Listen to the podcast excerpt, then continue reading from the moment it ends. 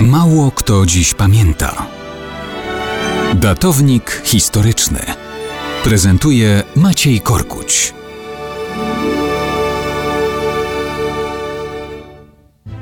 Mało kto dziś pamięta, że jutro przypada rocznica 12 grudnia 627 roku.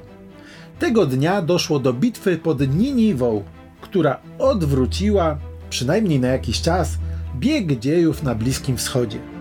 To był VII wiek, kolejne stulecie po rozpadzie zachodniej części Imperium Rzymskiego, kiedy wciąż istniało Imperium Wschodnio-Rzymskie ze stolicą w Konstantynopolu. To chrześcijańskie państwo miało swoje wzloty i upadki. W 610 roku cesarski tron objął ambitny Herakliusz i od razu stanął w obliczu olbrzymiego perskiego najazdu ukierunkowanego na całkowite zniszczenie cesarstwa. Wojna rozpoczęta przez perskiego króla Chosroesa II miała trwać, jak się okazało, niemal całe dwie dekady. Najpierw jest więcej niż 10 lat sukcesów Persów. Zajmują oni całą Armenię i Syrię. Rok 614 Persowie podbijają Palestynę i zaczynają oblężenie Jerozolimy. Daje o sobie znać konflikt religijny między Żydami a chrześcijanami.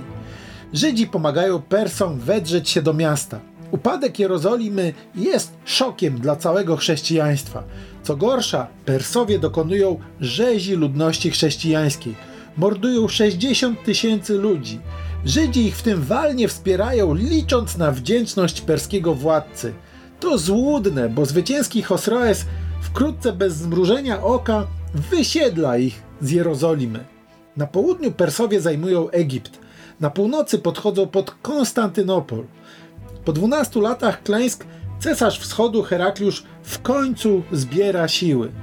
I po ciężkiej kampanii dochodzi właśnie wtedy do decydującego starcia pod Niniwą. Jest początek grudnia 627 roku, kiedy armia perska właśnie tam zostaje rozbita w drzazgi.